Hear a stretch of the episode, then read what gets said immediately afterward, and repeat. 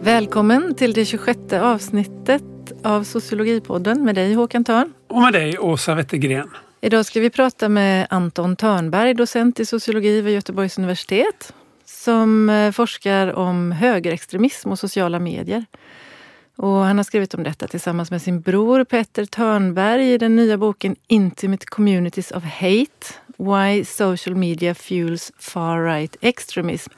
På svenska blir det ungefär intima hatgemenskaper, varför sociala medier gynnar högerextremism. Ja, och det är ju såklart en uh, fråga som man har funderat en del på. Alltså om det är så att högerextremismen har kunnat få en starkare ställning på grund av sociala medier.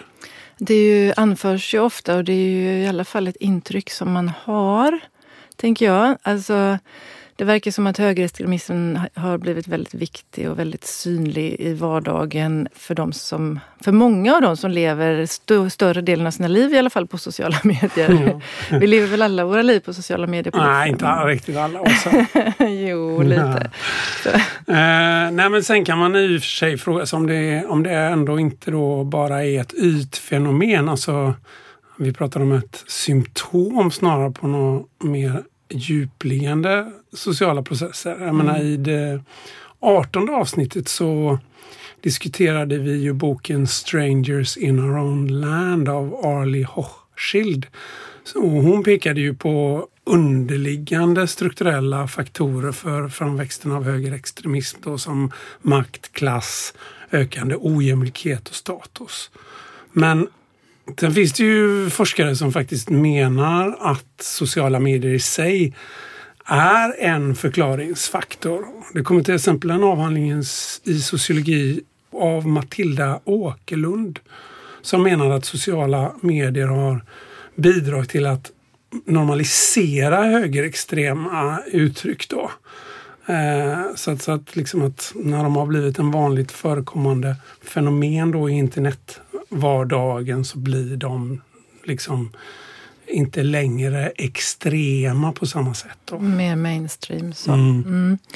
Eh, men alltså, det är ju precis det som Anton Törnberg uppmärksammar här i, i sin bok och hans bror Petter Törnberg. Så jag tänker att eh, vi bjuder in Anton direkt i samtalet nu. Välkommen Anton Törnberg. Tack så mycket. Tack så mycket för att vi fick komma. Du har då tillsammans med brorsan eh, skrivit boken Intimate Communities of Hate Why Social Media Fuels Far-Right Extremism. Förklara. Jag kanske ska börja med att säga någonting kort om liksom, bakgrunden till, mm. till boken. Så. Uh, och då kan man väl säga att vi har sett senaste decenniet eller så en, en våg av högerextrem organisering. Uh, både partipolitiskt Eh, med liksom en rad eh, högerradikala partier runt om i västvärlden. Och så. Men också eh, när det gäller högerextrema rörelser. Och det yttrar sig på olika sätt. Till exempel eh, ser vi en rätt snabb framväxt av högerextremt våld och högerextrem terror. Eh, det är faktiskt en, en, ökning med flera hundra procent bara de senaste åren. Så, eh, globalt sett. Och då har vi ett en flertal liksom, uppmärksammade fall som man har pratat mycket om. Dels förstås Utöja 2011. Eh, men också El Paso, eh, Poway, eh, Christchurch och eh, i Sverige har vi ju Trollhättan 2015 tror jag att det var. Eh, och det, handlar, det som kännetecknar de här är ju att det handlar ofta om, om unga liksom ensamagerande eh, gärningsmän som inte har några kopplingar direkt till organisationer utan som har eh, radikaliserats på nätet. De har ofta varit medlem på olika plattformar, olika forum och så. Eh, där de har fått stöd för sina idéer, utvecklat nya liksom, eh, narrativ diskurser. Så sk ofta skrivit manifeston som de har spridit. Eh, och sen i värsta fall, i vissa fall då, så, så har, har de också livesänt sina eh, terrordåd. Så. Mm. Um, och ja, man pratar ju ofta om, om en eh, far-right ekosystem inom forskning. Alltså att, att det finns ett ekosystem på nätet som består av både liksom etablerade plattformar, alltså mainstream-plattformar som Facebook, Twitter eller X eh, och Reddit och så. Men också lite mer liksom extrema plattformar som är liksom dedikerade för extremhögern och att det finns, det finns samband här liksom där användare liksom radikaliseras på de generella plattformarna och sen slussas vidare till de här mer extrema. Så, mm. så det, det, är tydligt ska jag säga att social media är en nyckel här för att, liksom, för att kunna förstå radikalisering och polarisering.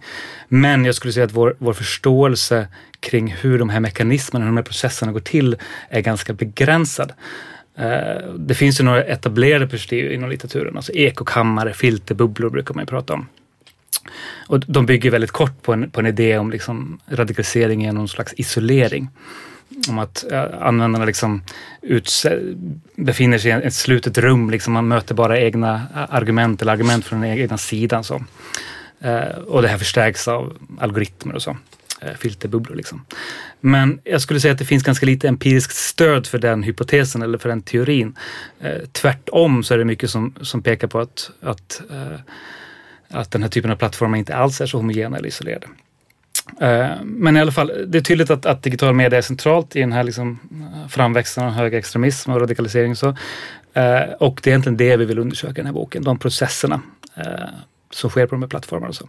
och för att göra det så har vi fokuserat specifikt på en eh, plattform, stormfront.org, mm. eh, som vi säkert kommer att prata lite mer om. Men det är ett av de äldsta högerextrema forumen i världen. Mm. Där vi har databasen över 20 år helt enkelt. Eh, och sen undersöker vi genom att använda olika typer av databaserade metoder och kvalitativ analys och så, vilken betydelse som det här forumet har för rörelsen och de processerna som sker där helt enkelt. Och hur folk blir medlemmar av rörelsen? Eller? Ja, vi undersöker eh, dels vad som händer med nya användare när de registrerar sig. Vad mm. händer över tid? Hur anpassar de sig efter de rådande liksom, diskurserna mm. på forumet? Mm. Och vilka, vilka roller och vilka funktioner har forumet för den högerextrema rörelsen? Kan man säga. Mm. Ja, det var en kortfattad... Ja, men du kanske ska ändå förklara lite mer då. Vad är Stormfront för någonting? Ja, Stormfront, det är en ganska intressant eh, historia egentligen eh, bakom hur Stormfront skapades. Eh, det var under, i början av 80-talet eh, en man som hette Don Black som eh, hade tidigare varit eh, Dragon Knight of the Alabama section of the KKK. Alltså han var Klux central inom Ku Klux Klan, precis. Och han tillsammans med eh, några eh, andra nazister. De lastade en, en båt full med vapen, dynamit, rom, eh, nazistflagga med planen att de skulle invadera den här ön Dominica. Mm. där de skulle etablera en ny nazistisk regim. En ny nazistisk, helt vit regim var planen. Men det gick inte så bra utan FBI kom på dem så de stormade dem innan de kom iväg i båten där. Han blev dömd till, till fängelse. Uh, och det som hände i fängelset var ju att han uh, lärde sig programmering. Mm. Och han började han insåg egentligen ganska tidigt potentialen med social media, med digital media, med internet när det gäller att, att liksom rekrytera och sprida budskap och att komma runt vad han såg som den uh, judiska eh, dominansen inom massmedia. Liksom. Så det här var liksom en möjlighet att bygga upp alternativa idéer kan man säga. Var någonstans i, i tiden befinner vi oss Nu då? befinner vi oss, alltså han blev dömd under 80-talet där och sen kom han ut och eh, startade forumet under 90-talet, början av 90-talet. Så, ja, så det är tidigt i... Så det här, alltså, han var en pionjär inom, inom eh, det digitala världen på det sättet kan man mm. säga. Eh, ja, och så blev det grunden för Stormfront som har växt fram. Och från början så var det ju kanske framförallt fokuserat på KKK, alltså den delen av den högerextrema rörelsen. Och sen har det över tid, och i USA då, sen har det över tid vuxit kan man säga. Så nu är det en, en bredare samlingsplats för uh, högerradikala, högerextrema globalt sett, även om USA mm. fortfarande är starkt. Så. Hur många, vet du hur många som är inne på? Ja, ungefär 350 000 registrerade medlemmar. Mm. Sen är det ju ganska många fler som eh, ja, läser helt enkelt mm. inläggen. Och, det, och det, det är liksom den stora, det, den är helt dominerande kan man säga globalt sett den här sidan, eller? Historiskt har det varit det. Ja. Det är ett av få forum som har funnits under så här lång tid. Alltså från, i, I dess nuvarande form, för i början så var det mer en, en slags uh, mailinglista kan man säga under 90-talet. Och sen i början av 2000-talet så fick den den formen som den har idag som är ett, ett klassiskt internetforum som påminner ganska mycket om Flashback. Uh, alltså i, i dess struktur och, och så. Um, som kan ha många olika trådar? Ja, det består av massa ja. olika kategorier, liksom, ja, undertrådar och så. Uh, och också det är en social plattform uh, mm. så man kan bli vän med varandra och, och mm. uh, chatta med varandra. Och, ja, följa varandra. Liksom. och. Följa varandra. Mm, liksom. Mm. Det, och det blev ju snabbt en, en dominant liksom, nod om man ser så i den högerextrema rörelsen över tid. Men sen så kan man väl säga att, att det skett kanske en förskjutning senaste åren, en generell förskjutning från de här klassiska forumen till lite mer liksom, moderna typer av plattformar kan man säga. Mm. Eh, så de är, nu så, så kanske inte hör till de största eh, på det sättet. Liksom. Men historiskt mm. sett så, så, skulle jag säga att det är en, den dominanta. Det har kallats the murder capital of the internet eh, eftersom registrerade aktiva medlemmar har, ligger bakom över hundra mord. Och ni skriver väl också att var det 77 av dem stod ju Anders Bering Breivik för. Precis. Han var en aktiv han var aktiv medlem. Vi har faktiskt kunnat eh, följa hans eh, inlägg eh, över tid på forumet. Så vi kunde se hur han togs emot på forumet och så. Hur han utvecklades över tid.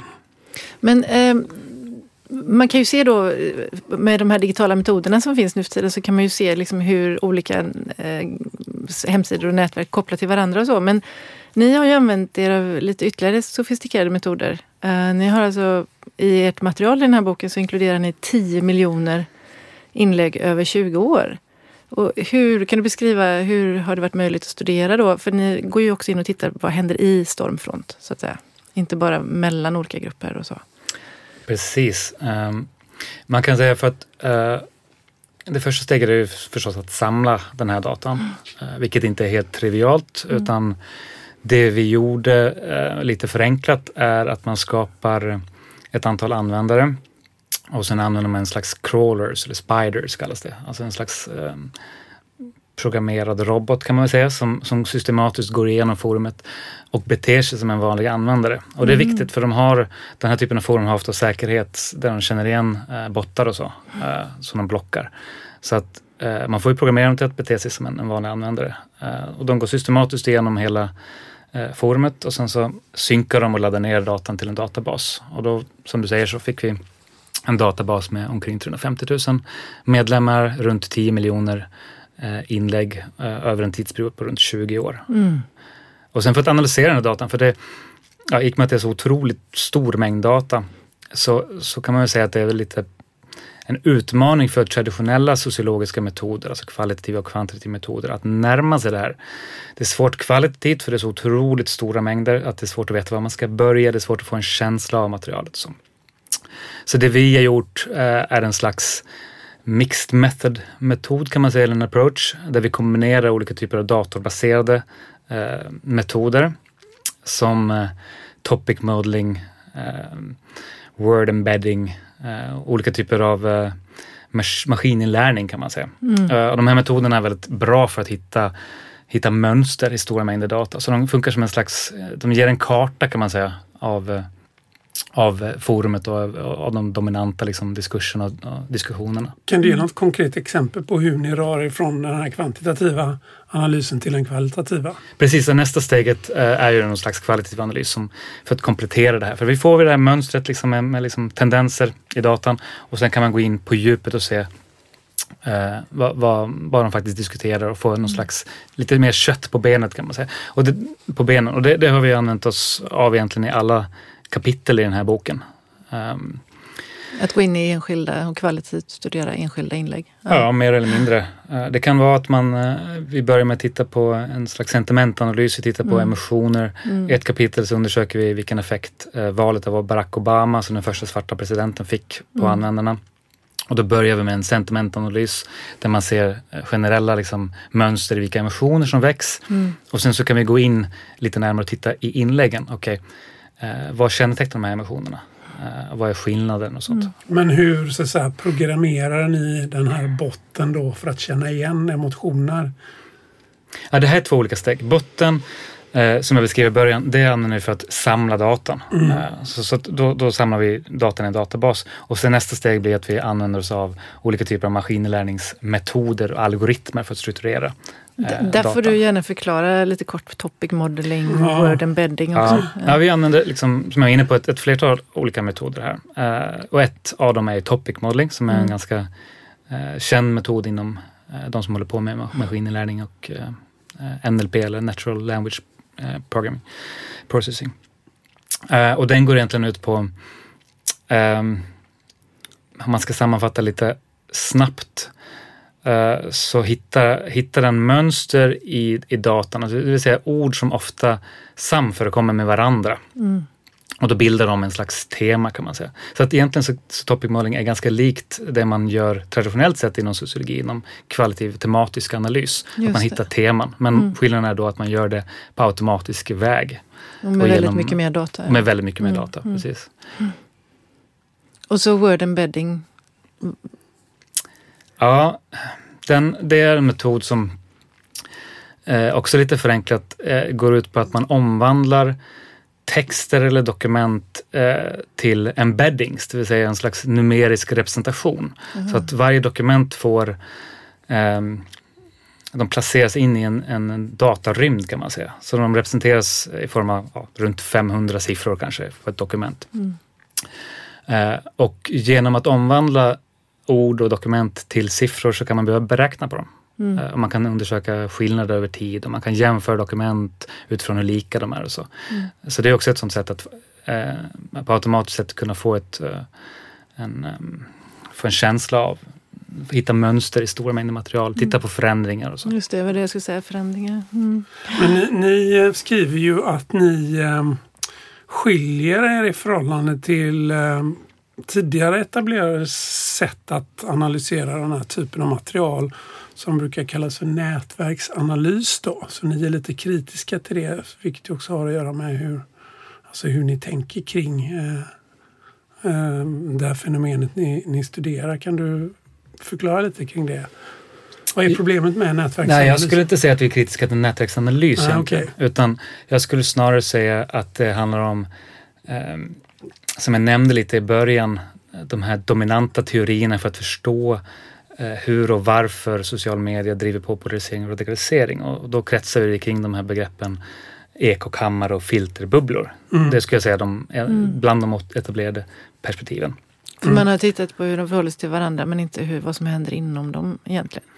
Ja, alltså om man börjar med begreppet ekokammare Ja. då, eller echo chamber, eh, så bygger det på idén att eh, social media-grupper är isolerade, de är homogena. Mm. Eh, radikaliseringen sker genom att vi att individer liksom låses in mer eller mindre i de här slutna samhörigheterna och konsumerar ett ensidigt innehåll helt enkelt. Mm. Det vill säga det är bara samma argument som cirkulerar i de här grupperna. Eh, och sen finns det en tanke om att filterbubblor, alltså algoritmer, förstärker det här ytterligare. Att plattformarna eh, har algoritmer där man tenderar att stöta på annat material som ligger i linje med ens egna idéer och åsikter. Liksom. Mm. Eh, och vi är kritiska till det perspektivet. För att för det första så ser vi rent empiriskt att den här typen av grupper är inte homogena på det sättet. De är inte isolerade på det sättet. Tvärtom, de interagerar väldigt mycket eh, med eh, mainstream media, med motståndare till och med. Eh, och de tar in argument, diskurser från, från andra utifrån, liksom, som de liksom bearbetar, dissekerar, kritiserar. Så att jag skulle säga att snarare än liksom ekokammare så kan man se det som en slags eh, det finns ett begrepp, eh, trench warfare dynamics. Alltså Skyttegravskrig. skyttegravskrig, Mm, precis. Mm. precis. De Eh, övar sig på att bemöta andra argument kan man säga. Ja, radikaliseringen Liksom. sker i kontrast mot Ja, en motsida. Liksom. Mm. Så att man ser liksom att det här antagandet som finns i ekokammaridén om att radikalisering drivs liksom genom isolering är problematiskt. Liksom. Och man ser Mm. också att Mm.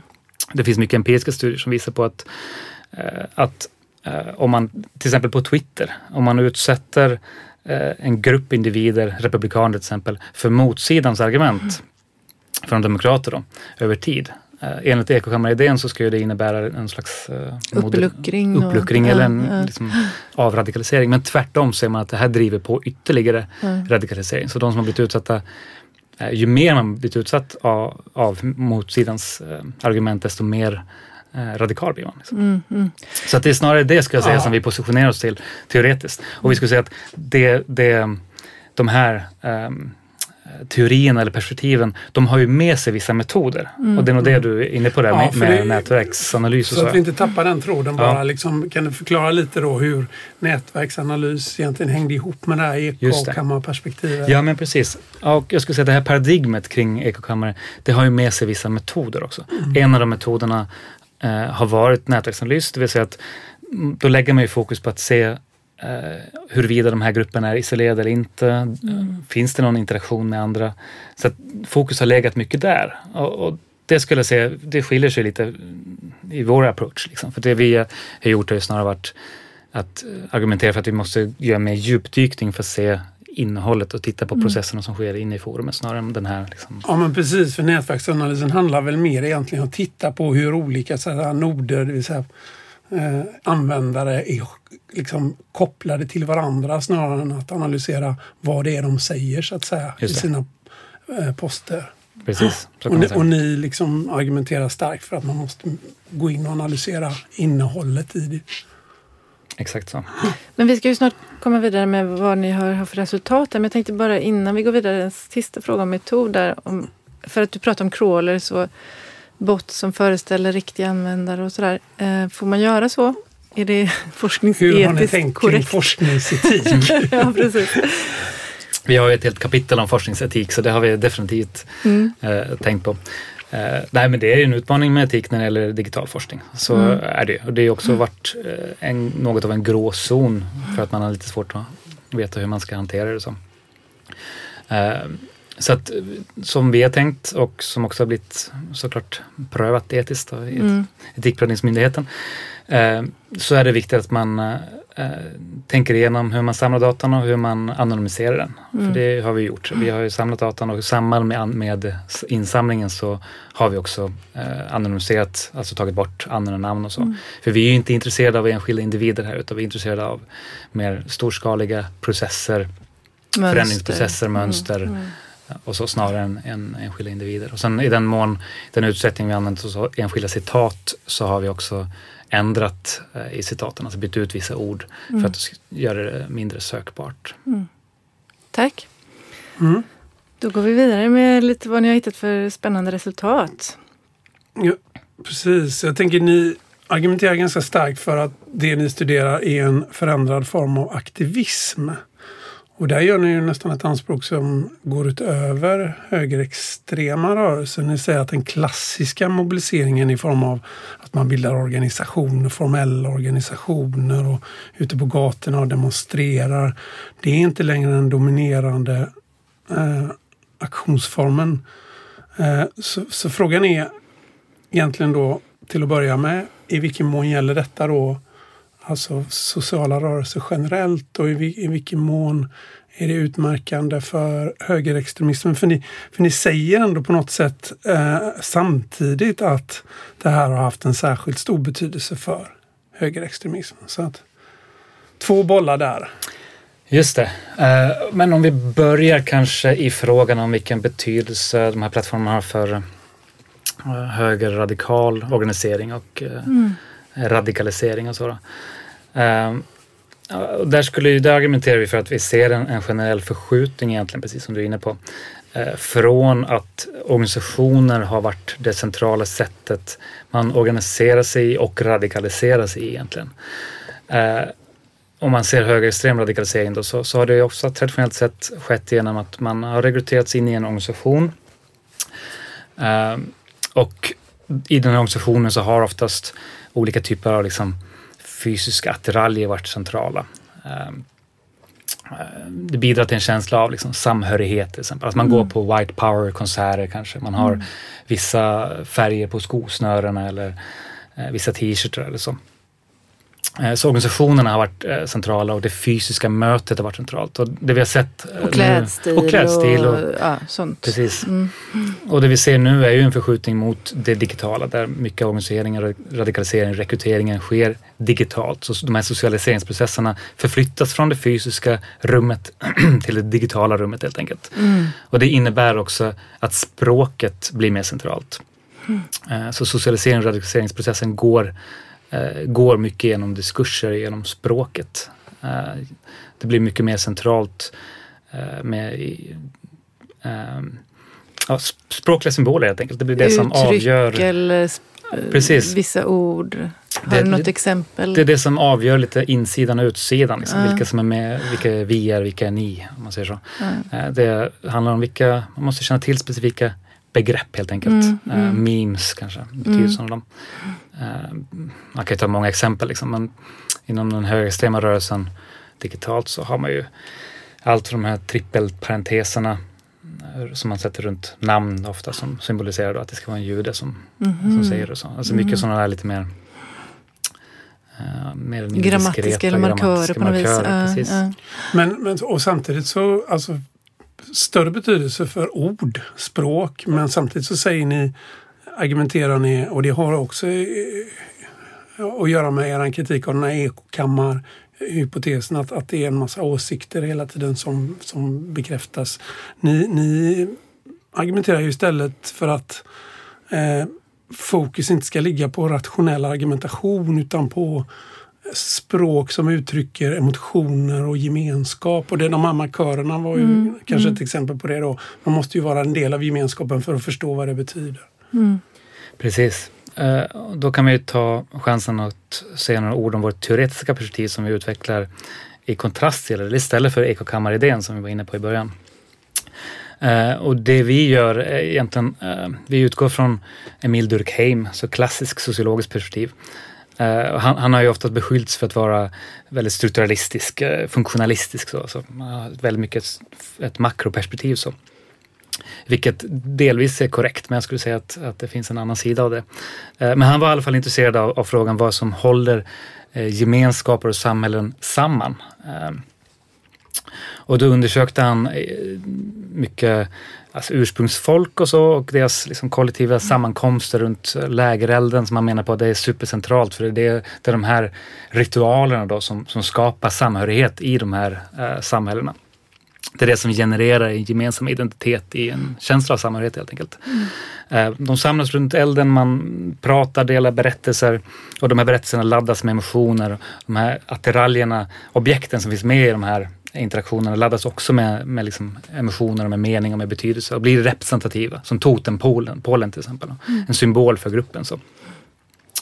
Eh, och det vi gör egentligen, och sen kommer ju Collins, Randall Collins, mm. som man kan säga bygger vidare på, på Durkheim. Som är en samtida sociolog. Som är mer samtida mm. sociolog, precis. Så han använder, använder bland annat Goffman eh, mm. för att och tar in lite mer mikrosociologiska perspektiv. Men fokus ligger mycket på det här med ritualer då. Mm. Eh, och då, då tittar han på liksom han vidgar begreppet ritualer. Det är inte bara religiösa ritualer utan det kan vara liksom allt från att man deltar i en demonstration eller att man delar en sig med varandra. Liksom. Rockkonsert. Rockkonsert är klassiskt, mm, precis. Mm, mm. Och han betonar liksom ett antal ska man säga, ingredienser eller komponenter som ritualer har. Då. Så, eh, fysisk eh, co-presence, alltså att man är fysiskt på samma plats. Då. Och det finns barriärer till, till utsidan och att man fokuserar på samma saker och så. Mm. Men han fokuserade väldigt mycket på det fysiska. Alltså att han tryckte mycket på fysisk närvaro. Det här är mm. något som bara kan ske i rummet. Liksom. För att en gemensam känsla ska uppstå. Precis. Ja, ja, precis. Och det vi gör, vårt perspektiv är egentligen att, att bygga vidare på på, på Durkheim och på, på Collins. Men vi argumenterar för att, att vi kan se liknande typer av ritualer, liknande typer av processer också online mm. i det digitala. Trots att det inte är fysisk närvaro. Precis, det som händer är ju att de här liksom fysiska, den fysiska närvaron ersätts då av andra eh, processer i det mm. digitala. Och framförallt det som händer är att, att det blir konversationer mm. som är ritualer. Mm. Och det innebär att språket, det diskursiva blir mycket mer centralt. Det blir ord laddas med mening. Det är ord, diskurser, narrativ blir identitetsmarkörer. Eh, det som markerar om du är en del av gruppen eller en del av utsidan. Så, eh, så det är egentligen det precis som vi bygger vidare på. Sen undersöker vi empiriskt egentligen. Uh, hur Stormfront eh, uppfyller olika funktioner som relaterar till emotioner, diskurser och identitet helt mm. enkelt. Men en följdfråga här bara på kultur eller på ritual här nu. För att du säger att det är språk, men är det då liksom interaktion genom språket? Är det det som är centralt här? För att det, är, det kan ju knappast vara att man själv skriver ett inlägg ensam och så... Ja, men det är reaktionerna på detta och interaktionen runt detta som skapar den här känslan av emotionell energi och gemenskap, eller? Exakt så. Eh, och det där är ju också ett problem ska jag säga med, med den traditionella ekokammaridén, för den ligger ju fokus mycket på konsumtionen av idéer mm. och det är det som driver radikalisering. Det som händer när man fokuserar på ritualerna och på det durkheimianska eller kolonialska perspektivet är ju just att det är interaktionen och processen som hamnar mm. i fokus. Mm. Inte själva ja, ordet eller så, utan det är just den här interaktionen mellan eh, individerna i gruppen ja, eller mellan användare i forum. det är det som som driver på den här socialiseringsprocessen. Precis. Men man, man kan ju dock också invända mot den här durkheimianska analysen att den också blir formalistisk. Alltså, ni kritiserade nätverksanalysen för att den tittar egentligen bara på, på eh, den tittar inte på innehållet i, i vad som sägs. Eh, och då skulle man kunna säga liksom att ritualerna då betyder egentligen inte vad som sägs utan bara att det sägs saker som stärker social integration. Men så är, men, eh, så är det ju inte riktigt i eran bok. För att i eran bok så finns det ju massa exempel där ni går in och analyserar eh, olika politiska debatter som förs. Så jag tänkte liksom alltså att eh, det kanske skulle vara roligt för lyssnarna också att få en inblick för det finns så många spännande fallstudier i eran bok så att vi konkretiserar. Och då tänkte jag fråga om du skulle vilja redogöra lite kort för det kapitlet som handlar om hur Stormfront reagerar när Obama respektive Donald Trump blir valda till presidenter. För Det tyckte jag var otroligt spännande. Så, så, kan, så blir det ett sätt att konkretisera den här analysen också som ni gör. Just det. Ja, det vi gör där är helt enkelt att vi undersöker, som du var inne på, Eh, Eh, hur forumet påverkades av valet av Obama 2008 eh, och valet av Trump 2016. Eh, och det undersökte vi på, på lite olika sätt. Men det man kunde se rätt tydligt var ju att, att valet av Obama 2008, det första valet, det blev en, eh, något av en eh, moralisk chock kan man säga för många på, på Stormfront. Alltså det ledde till en dramatisk ökning av nya användare och ny aktivitet på forumet. Um, och uh, om vi tittar då på hur användarna uh, liksom framar eller hur de förstår sig på uh, det här valet i början så kan man se i, de, i liksom bara dagarna efter valet så, så framställde de det här valet som en, en katastrof. Ett, ett, Obama var ett, ett, hot mot den vita rasen. Um, och alltså det var väldigt starka, starka ord, mycket katastrof. Så. Uh, nu kommer vita bli de nya slavarna och mycket sådana mm. narrativ. Så. Men det som blir intressant är att, att, att över tid så eh, och det går ganska snabbt. Alltså inom närmaste veckan, två veckorna så, så utvecklas en ny berättelse kan man säga. Där de omvandlar det här hotet till en möjlighet. Uh, så att de ramar in det mer som att det här är en möjlighet för rörelsen att kunna växa. Vi kan rekrytera nya Eh, medlemmar. Eh, så att man ser att, att de kollektivt försöker konstruera nya diskurser för att mm. hantera mm. vad som händer. Man ser också förskjutningar i strategier. Under Obama så fokuserar man mycket på att, man, att vi måste göra motstånd mot systemet. Alltså man kan inte verka inom det parlamentariska systemet utan vi måste bygga alternativa politiska processer. och sen under Trump då så Eh, så sker en förskjutning där man pratar mer om att vi, ja, vi kan slåss inom systemet. Det finns mm. en, en möjlighet där. Det finns... Ja, hur reagerar forumet på Trumps? Ja, på Trump. Kan du säga lite mer om det? Ja, precis. Um, Trump är de överlag uh, mer positiva.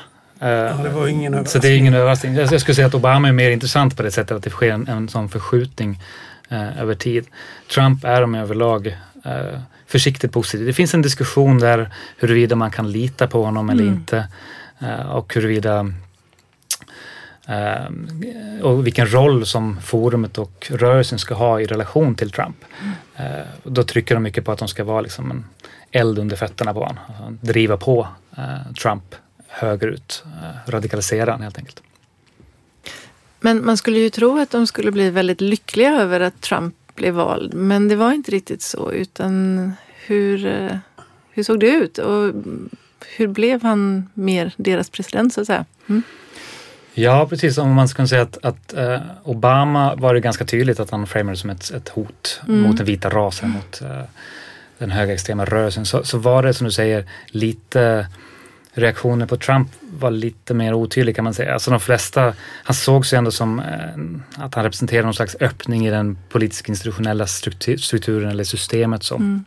Men det var lite uppdelat bland användarna där vissa lyfte fram honom som en, liksom, en stor seger för den vita rasen och eh, det här skapar nya unika möjligheter för rörelsen att kunna växa. Eh, mm. Så var det ganska många andra som var lite mer eh, försiktigt positiva. Man såg det mer som det här är ett steg i rätt riktning.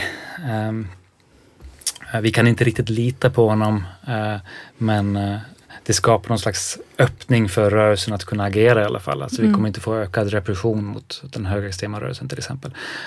Men de, de, var ändå måna om att stå kvar i sin egen position som rörelseaktörer och såg sin egen roll och funktion som att de ska driva på, elda på Trump åt rätt håll, alltså det vill säga mm. Mm. att göra honom mer extrem.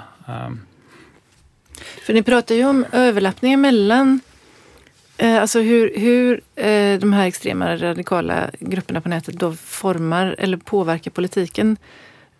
Har ni sett någon sån eh, påverkan eh, på Trump? Om jag kan ja, fylla ja. på där för att man kan säga då att ni, er studie är en studie av rörelsen på nätet och ni argumenterar förvisso då att rörelse är mycket mer på nätet. Men eh, nu har ju inte ni studerat vad som händer utanför nätet, men kan du säga någonting om, ändå om samspelet mellan eh, konkret organisering, politik som sker så att säga, utanför nätet och det som händer på nätet? Ja, det, det är ju not notoriskt svårt skulle jag säga att studera just relationen mellan online och offline. Mm.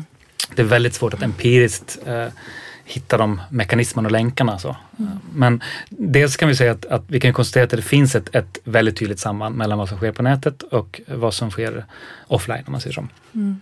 Ett exempel är ju om vi tittar på på fysiska, fysiskt våld mot flyktingar mm. till exempel. Mm. Där finns det väldigt intressanta empiriska studier som tittar på hur diskussioner om flyktingar på sociala medier, på Facebook till exempel, i sig driver på attacker, fysiska attacker mot flyktingar. Och det här rör sig inte bara om en korrelation, ett mm. samband, utan det är en direkt kausal koppling. Det vill säga att man har sett att diskussionerna i sig driver på eh, attackerna. Så att när diskussionerna går ner, då minskar attackerna. Och det, man ser samma tendenser egentligen på Twitter och så. Eh, så att det finns ett väldigt tydligt samband här, men det är väldigt, väldigt svårt att, att hitta mekanismerna här. Men man kan säga att eh, om man liksom ska teoretisera lite mer om hur den här kopplingen ser ut så, så, skulle jag säga att man kan se tre övergripande processer eller mekanismer som kopplar ihop det digitala och offline. Uh, och då kan man dels prata om um, diskursiv möjlighetsstruktur, vilket mm. är begrepp man använder inom rörelseforskning ganska mycket. Och det handlar om att sättet och diskurserna kring ett fenomen uh, kan bidra till att man legitimerar eh, våldet till exempel. Så att om man pratar väldigt negativt om flyktingar eller invandrare så finns det en tendens att det legitimerar eh, flyktingar som ett, som ett mål om man säger så. Eh, så det är en mer övergripande makromekanism. Mm. Och sen ser vi på lite lägre nivå, på mesenivå då, eh, så finns det mer så, så ser man att, att, det, att digitala rum ger ett, ett utrymme för sociala interaktioner. Eh, och interaktionsritualer helt enkelt. Och, och, det ser vi ganska tydligt, det har vi sett i, liksom, tidigare i våra studier, liksom, att, att användarna driver på varandra, hetsar varandra, mm. det bygger upp en stämning liksom, som, som i slutändan kan få liksom, utlopp eller det leder till liksom, fysiskt våld. Så. Uh, och slutligen så kan man se en, en mekanism som kanske handlar mer om informationsspridning och koordinering. Mm. Det vill säga att man sprider information om var flyktingboenden finns, hur man praktiskt sett går tillväga för att tända eld på ett flyktingboende till exempel. Så på det sättet så kan man säga att den här bredare makrofrågan om diskursiv möjlighetsstruktur besvarar varför. Vad är problemet? Varför är det ett problem? Medan den här meso eh, processen eller mekanismen besvarar frågan varför jag? Varför ska jag göra någonting? Mm. Eh, och slutligen när, hur och när ska det Mm. göras? Mm. Så att det, det är ett sätt att besvara den frågan om kopplingen mellan online och offline. Mm. Mm. Och man skulle väl i och för sig kunna åtminstone peka på att eh, under den här perioden som den här internetaktivismen har frodats då så har ju aktivismen, i alla fall om vi håller oss till högeraktivism då, eh, på, på sätt och vis förändrats eh, med tanke på alla de här ensamma dåden så att säga. Jag menar, det fanns ju en gång i tiden så sa man att det var ensamma galningar men jag tror det är ingen som, inte ens Säkerhetspolisen säger det längre. Eh, och eh, även, jag tänker på den här stormningen av eh, Kapitolium. Att, eh, det var ju ingen sån här klassisk välorganiserad aktion liksom. Utan eh, den var ju, det kändes ju mer som att människor strömmade till liksom. Utifrån att det, de hade fått Just det. det här informationen om, om att någonting skulle hända. Så här. Eh, Håller du med om den analysen? Absolut, och det är en intressant fråga. Vi tangerade lite det i början där, men det faktum att radikaliseringsprocesserna har förändrats och att de har digitaliserats, det har ju också fått effekt på själva uttrycksformen kan man säga av radikalisering. Eh, För det man kan se att, att tidigare när radikaliseringen drevs i högre utsträckning av organisationer så bidrog ju samtidigt organisationerna, på gott och ont förstås, att kanalisera eller disciplinera handlingen, eh, kanalisera in den i vissa politiska uttryckssätt och vissa, motstånds, vissa rörelserepertoarer helt enkelt. Eh, till demonstrationer, manifestationer och den typen av mer kollektiva former. Så, då såg man kanske mindre, eh, mindre exempel på extremt våld om man säger så. Eh, och det som sker nu när socialiseringsprocessen eller rad- radikaliseringsprocessen sker via nätet så slussas det inte längre genom, genom organisationerna. Och då ser man uppkomsten av vad man ibland pratar om som stokastisk terrorism. Eh, och det handlar ju om att, att, att terrorism eller extremvåldsdåd då är statistiskt sett förutsägbara. Men man kan inte förutse var, eh, var det sker och när och vilka som blir målet egentligen. Eh, så att det, jag skulle säga att det är tydligt så att social media driver på eh, den typen av eh, Individers aktioner också fast de är kopplade till en grupp på, på nätet. Så att säga.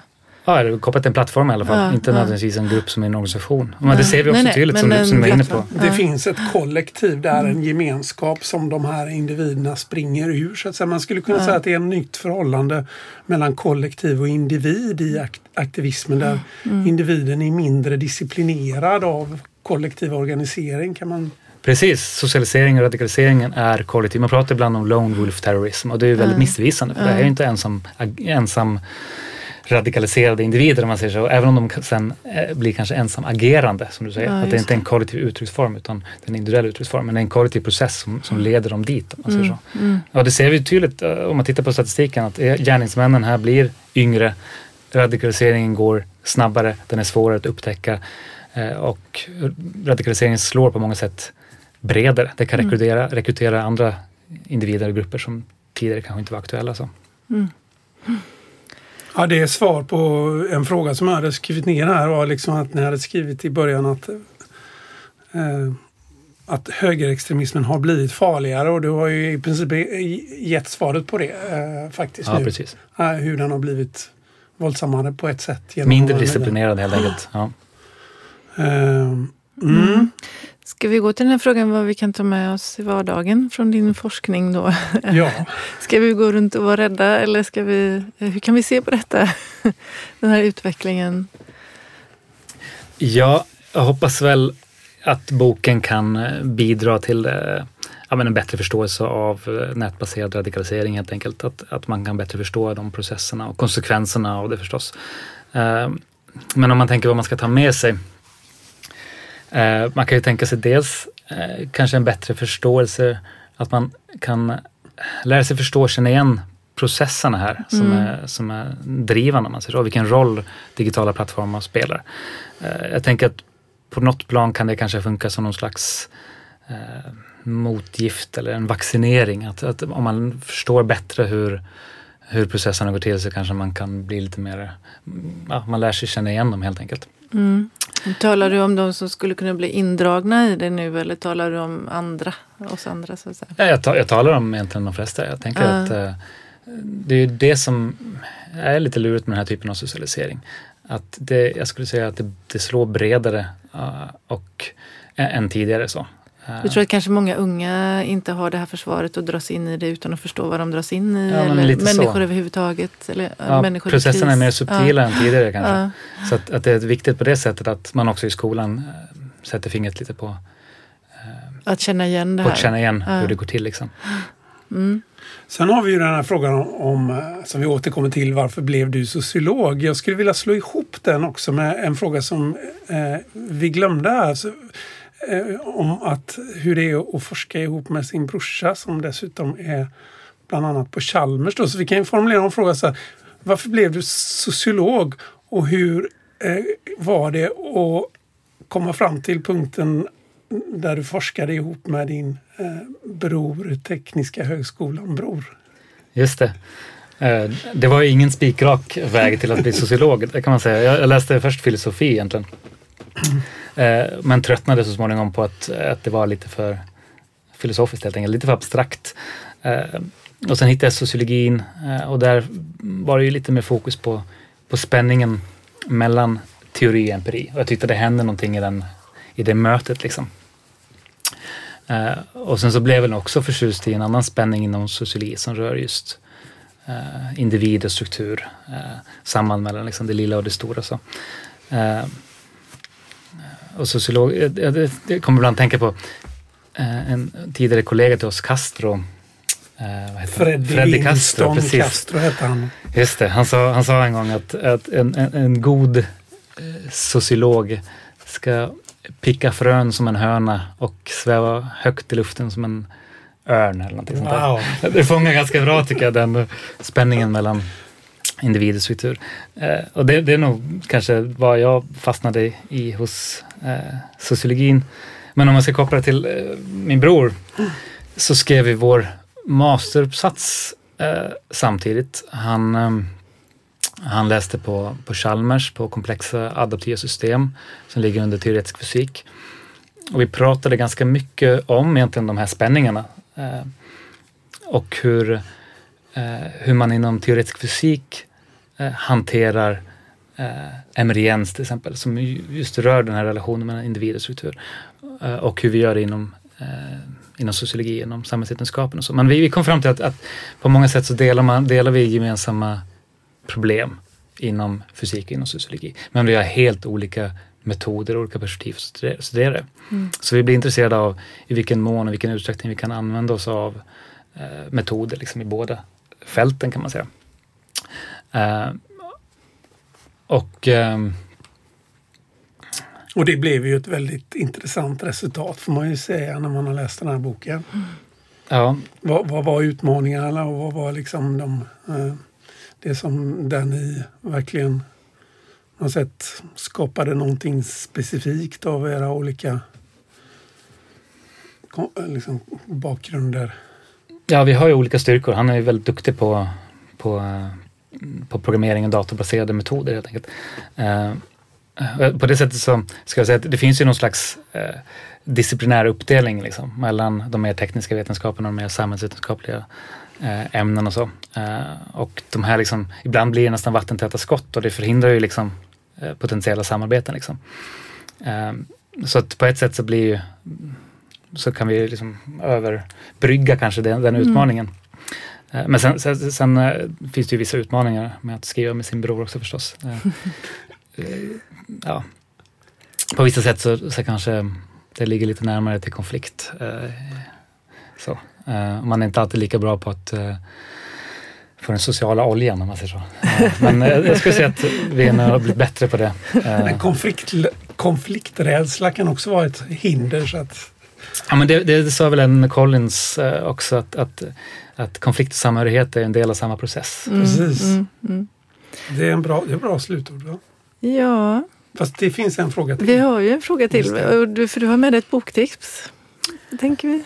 Eller Ehm, filmtips eller något? Ja, jag funderade lite kring Mm. något boktips, men jag kan inte säga att jag kom på någon specifik. Men så kommer jag att tänka på filmer istället, om det går bra. Det går Mm, bra. absolut. Uh, egentligen så hittar jag inte någon jättebra exempel som fångar just det här som boken handlar om. Men eh, American History X är ju en Just bra det. Film som, som fångar eh, den här typen av socialisering och radikalisering. Även om inte internet och social media finns med på något sätt i boken eller i filmen. menar. Men hur det går till i fysiska rummet. Ja. Mm, Precis, mm. Eh, och det, det handlar ju om två bröder dessutom. Mm. En som, eh, som är aktiv inom, inom den högerextrema rörelsen. Och sen begår han mord och blir fälld och Mm. dömd till fängelse. Där han eh, avradikaliseras egentligen. Och sen när han kommer ut så är det lite omvända roller. Där brodern, lillebrodern har blivit eh, radikaliserad in i rörelsen. Eh, så att jag skulle säga att den, den filmen fångar ju mycket av de här socialiseringsprocesserna Mm. eh, på ett väldigt bra sätt tycker jag. Som vi också ser på, på internet fast på ett lite annat sätt. Bra och det är tips. mycket starka emotioner i den, det minns jag. American History X alltså. Ja. Då vill vi tacka dig Anton så mycket för att du kom. och Tack för en mycket. fantastiskt intressant bok. Tacka din bror också. Tack för att vi kom. Ja, hej då. Hej då. Då var det dags för vårt litteraturtips och idag är det du som har valt Åsa. Vad har du valt? Yes, eh, jag har valt faktiskt Rosa Luxemburg Mhm. eh, som författare då. En bok som heter Massstrejk, parti och revolution och innehåller dels texten Massstrejk, parti och fackföreningar från 1906 och dels en mycket kort men profetisk analys av Lenins syn på genomförandet av socialismen i Ryssland med hjälp av en så kallad centralorganisation, alltså ett hårt grepp från ledningen. Eh, som då heter den ryska socialdemokratins organisationsfrågor. Mm, det knyter ju an lite i alla fall till temat sociala rörelsers organisationsformer då som vi har varit inne lite på med, med Anton idag. Men Ja. vem var Rosa Luxemburg? Ska du säga något om det? Ja, alltså egentligen så är det ju det här med ditt bord Håkan, men eh, jag tänker du får komplettera. Ehm, men hon var alltså tysk-polsk jude. Hon föddes 1871 i Polen som då var del av det ryska imperiet. 1898 så flyttade hon till Berlin och när hon skrev de här texterna då i början på 1900-talet, alltså 1906-1905, eh, så var hon politiskt verksam i den tyska socialdemokratin och även i den eh, polska arbetarrörelsen. Och sedermera blev hon då ledare tillsammans med Karl Liebknecht för Spartakusförbundet som då var en internationell marxistisk grupp som bland annat opponerade sig mot Socialdemokraternas stöd till krigsmobiliseringen eh, under första världskriget. Eh, så den 1 januari 1919 bildade hon tillsammans med Liebknecht Tysklands kommunistiska parti ur det här Spartakusförbundet. Då. Mm. Eh, och eh, sen startade de det som kallades för Spartakistupproret 1919 mot de tyska socialdemokraterna som hade tagit makten året innan i anslutning till det som brukar kallas den tyska novemberrevolutionen. Så det är mycket historik här men eh, Mm, för att ta en viktigt lång historia ändå. kort, viktigt. Ja. Eh, Det som hände under Spartakistupproret var att det utlystes en en generalstrejk som hörsammades av 500 000 människor eh, som också då demonstrerade på Berlins gator och ockuperade regeringsbyggnader med mera. Men det här upproret slogs ner mycket blodigt. Och Luxemburg och Liebknecht tillfångatogs, torterades och sköts ihjäl av ett statligt legitimerat under, alltså den socialdemokratiska regimen då, så kallat Freikorpförband. Alltså fri... Vad heter det på svenska? Frej, ja, skitsamma. Frikårer. Frikårer, precis. Att Rosa var politiskt aktiv kvinna som till och med ledde en hel rörelse och dessutom väldigt vass som skribent och talare är tänkvärt i sammanhanget tycker jag. Eh, kvinnor hade ju inte ens rösträtt förrän 1918 i Tyskland. Och allmänt så ansågs kvinn, det att kvinnor skulle stötta den socialistiska eller mm, socialdemokratiska eller kommunistiska, vad vi nu väljer att kalla den, revolutionen.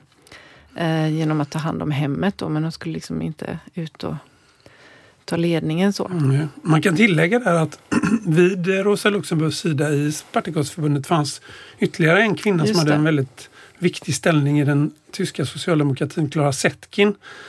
eh, som, som gick samma politiska mm. radikaliseringsväg kan man säga som Luxemburg som, som var ju väldigt mycket eh, involverad i, i eh, mobiliseringen för kvinnors rättigheter och var en av dem som faktiskt låg bakom instiftandet av den internationella kvinnodagen 8 mm. mars.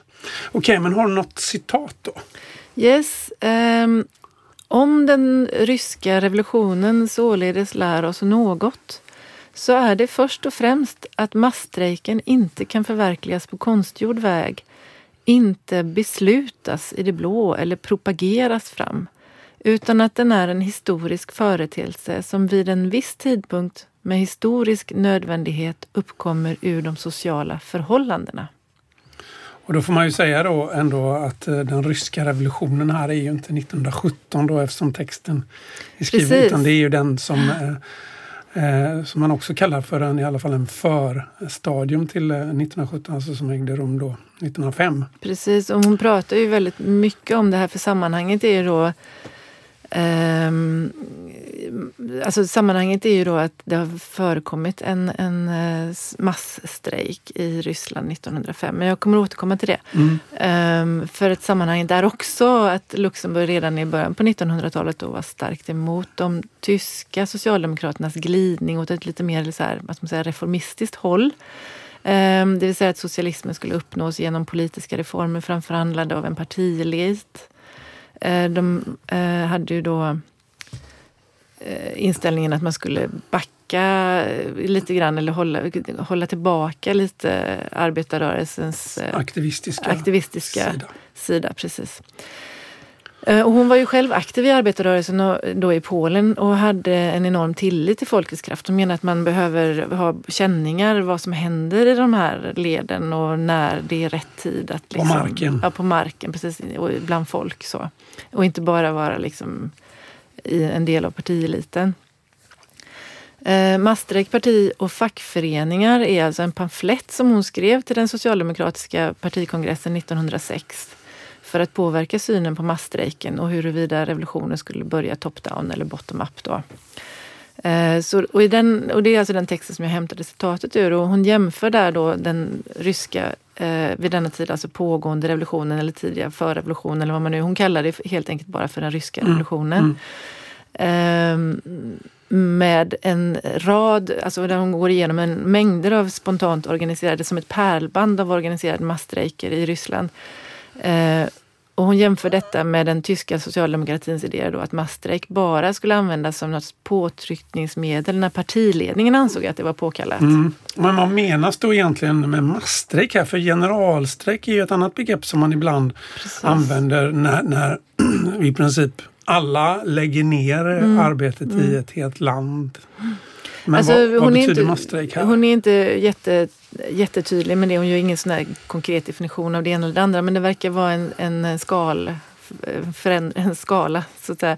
Eh, för att eh, hon skriver att masstrejken är inte hon skriver då citat, inte ett listigt uttänkt medel för att stärka den revolutionära kampen. Den är tvärtom och det här är då kursiverat även i boken, eh, den proletära massans rörelseform, den proletära kampens manifestation under revolutionen.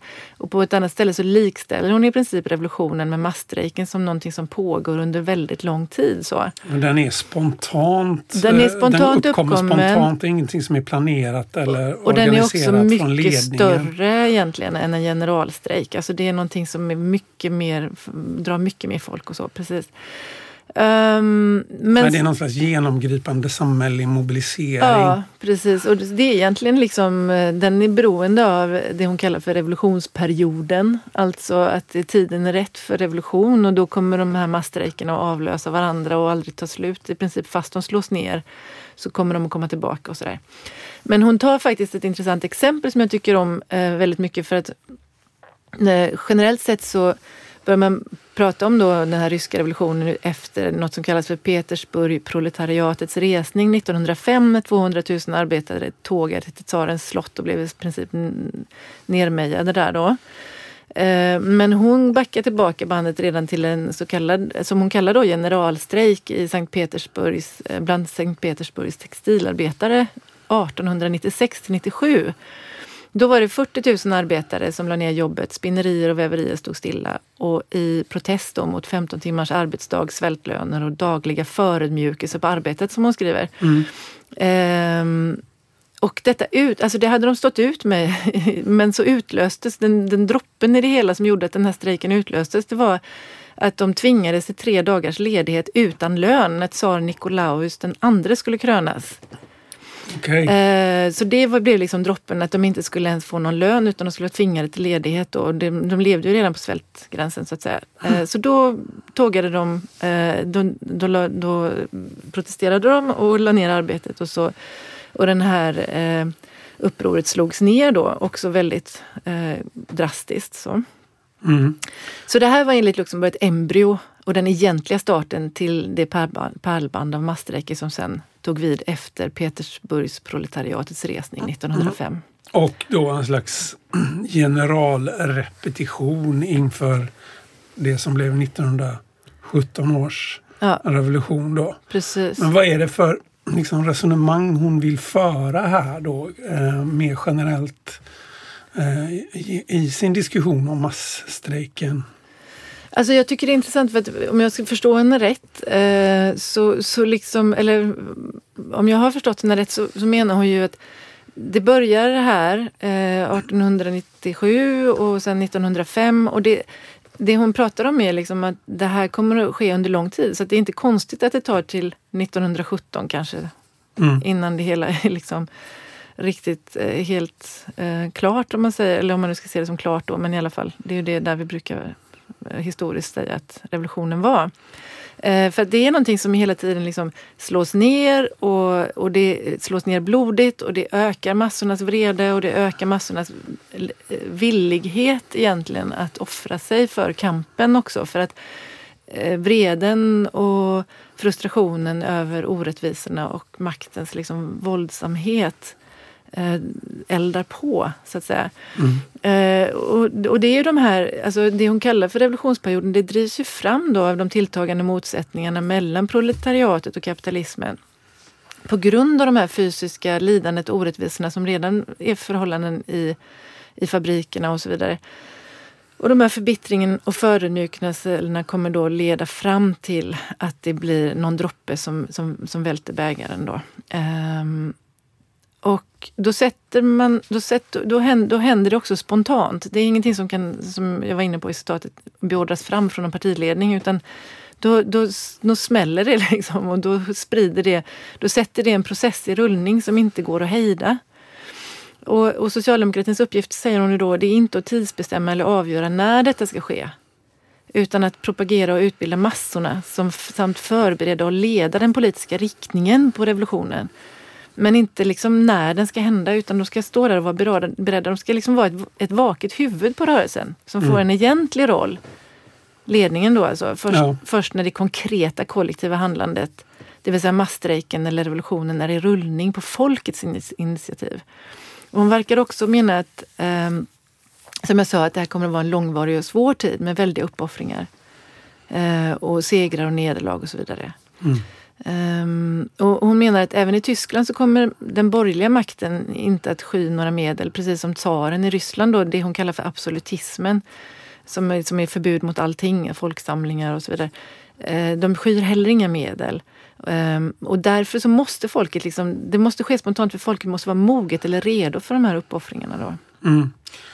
Uh, men en viktig kontext för den här texten då är ju också att den skrevs jag menar, den skrevs som en adress som du sa till den tyska socialdemokratin. Mm. Så mm. men, men också kan man säga inom den andra internationalens arbetarrörelse.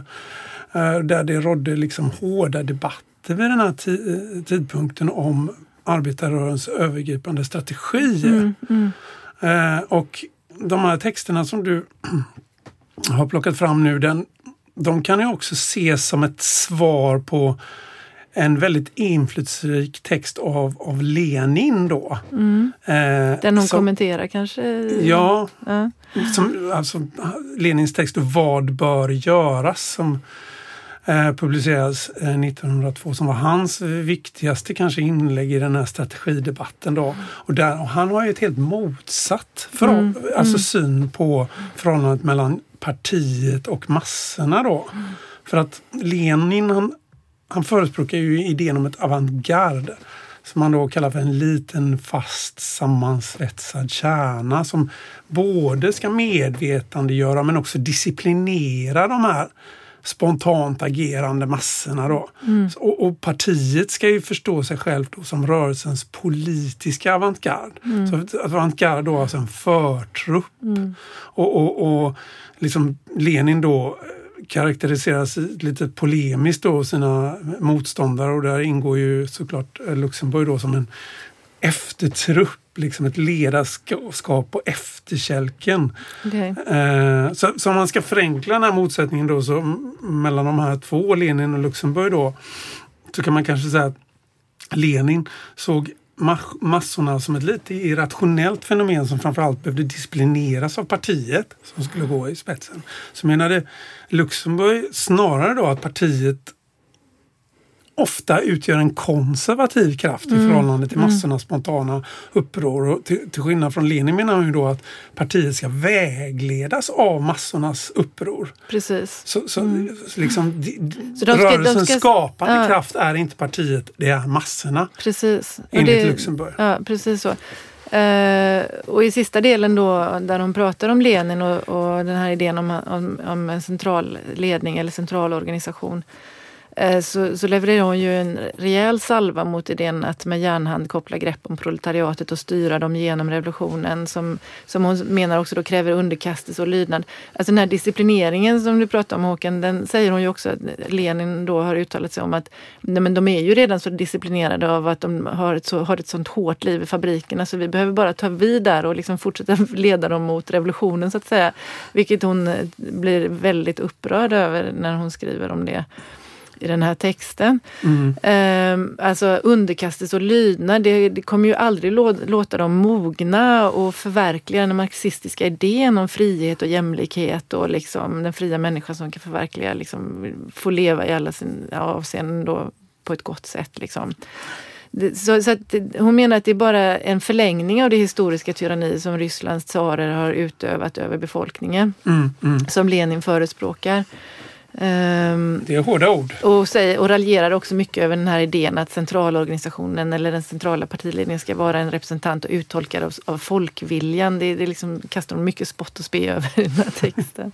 så ja, nej, jag, jag, tycker det är imponerande och spännande. Alltså, så. Ja, jätteintressant. Eh, alltså, men med tanke på att vi, vi pratar ju om sociala rörelser, or, organisering här. Alltså, och, och, vi har pratat om både massor och parti, men, men hur ser hon på fackföreningarna? För det är ändå arbetarrörelsen vi pratar om. Mm. Det tycker jag också var spännande att läsa om. Alltså, hon vände sig här mot eh, det som hon kallar för det socialdemokratiska partiets neutralisering av fackföreningarna. Uppenbarligen en strategi på den tiden då att det skulle inte vara för hårt kopplat till socialdemokratin för att det skulle samla mer folk och även då utbilda dem inom Nej, man ska skilja på, ja. på den politiska delen och ja, precis. fackföreningarna. Eh, och, eh, och då framställer sig fackföreningarna som delvis fristående del av arbetarrörelsen och det eh, är hon sur på. Hon säger att eh, fackföreningen är en självklar del av den socialdemokratiska helheten och av revolutionen och så vidare. Ehm, och, och, hon menar att så ser ju även den enskilda arbetaren på saken som går med i fackföreningen. Så det är inget konstigt, det är bara liksom eh, ledningen, partieliten som inte förstår det här. Men med fackföreningarna menar hon så finns det en risk att de eh, hamnar i byråkrati, representation, detaljer, små skillnader, att de ser enskilda förbättringar och löneökningar till exempel som stora segrar. Och de, det finns en uppenbar risk menar hon att de ersätter målet och revolutionen med medlet. Organisationen blir ett mål i sig så att säga. Fackföreningen blir ett mål i sig snarare än revolutionen. Mm, det som man brukar kalla för rörelsens institutionalisering då. Precis. När organisationen uh. tar över så att säga. Men, men um, jag tänker att vi ändå måste börja runda av uh. här men, men skulle man kunna knyta ihop säcken här idag? Så att nu har vi varit inne från väldigt olika håll mm. på frågan om.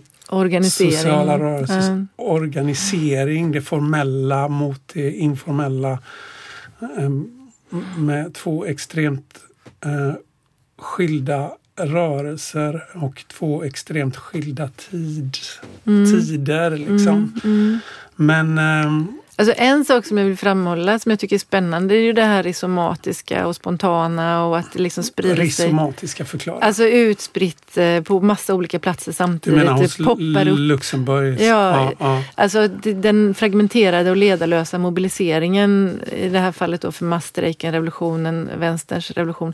Det var liksom en form som existerade även före internet, vilket jag tycker är Ja. intressant. Jag vet inte, det spred sig, alltså hur spred det sig? Alltså det, Ja, det tog lång tid för, för, för, för kunskap eller, Ja, tryckpressen har ju många framhållit som att den var väldigt viktig. Och eh, om vi pratar om liksom industrialismen så järnvägen att eh, agitorer, Mm. agitatorer kunde resa snabbt från plats till plats. Mm, Liksom. Att det faktiskt, jag tror att Marx och Engels skriver om det till och med i kommunistiska manifestet. Liksom hur, hur, Ordet, järnvägen, ordet sprider säga, sig har- ändå, liksom, Ja, eller ja. och så. Och sen, Men men, jag- men, det är också intressant att liksom, de här sociala och emotionella drivkrafterna föregår liksom, Mm. rörelsens etablering av ett politiskt program och en politisk organisation. Det tycker jag också är Men, spännande. men jag skulle ändå vilja säga, i alla fall när det gäller just Luxemburg, så är hon, för, hon är ju ingen förespråkare av det man idag kallar ledarlöst eh, motstånd utan hon, hennes text handlar ju egentligen om hur alltså, partiet, ledningen ska förhålla sig Mm, till eh,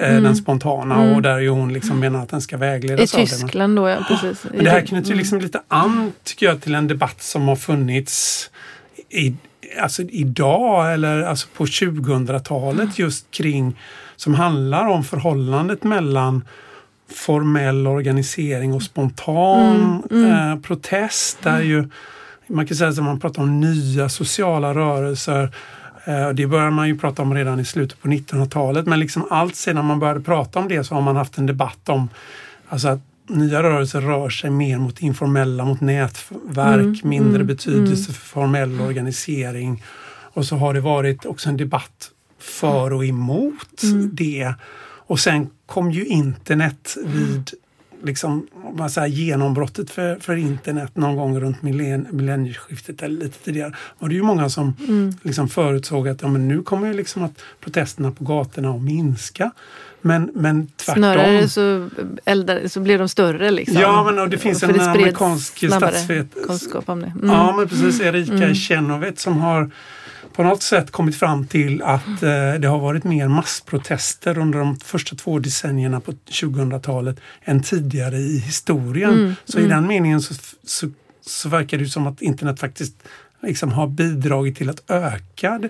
Spontana inslaget. Ja. men samtidigt så apropå det som Anton sa då så kan man ju fråga sig då har den också bidragit till att ytterligare så här, förstärka den här tendensen bort från formell organisering. För vi har ju sett oerhört mycket stora massprotester. Vi kan tänka på eh, den arabiska våren, vi kan tänka på klimat, alltså Fridays for Future. Stora, stora protester som egentligen har saknat haft ett lite inslag av formell organisering och kanske inte har lett till så mycket heller. Nej, men det är kanske det som är intressant är att det liksom, om det nu är så att vi lever i en tid när vi har mer protester än någonsin förut så är det fascinerande konstigt att vi inte, det inte leder så långt Nej, alla gånger. Det kanske har Eh, någonting. och det kanske har någonting med det att göra, ja precis. Så då kanske vi eh, kan låta oss vägleda eh, eller Vi behöver en, någon En typ av Luxemburg. organisation som kan fånga tag, ta tag i det här och, och liksom leda, vägleda den Ja, här, precis. Alltså. Luxemburgs kompromiss är Ja, egentligen där hon säger att vi behöver ett parti Mm. men det partiet måste låta sig vägledas av Mm. eh, de spontana protesterna som uppstår. Precis. Bra, bra avslut. Ja, Vi säger så. det gör vi. Hej då! Hej då.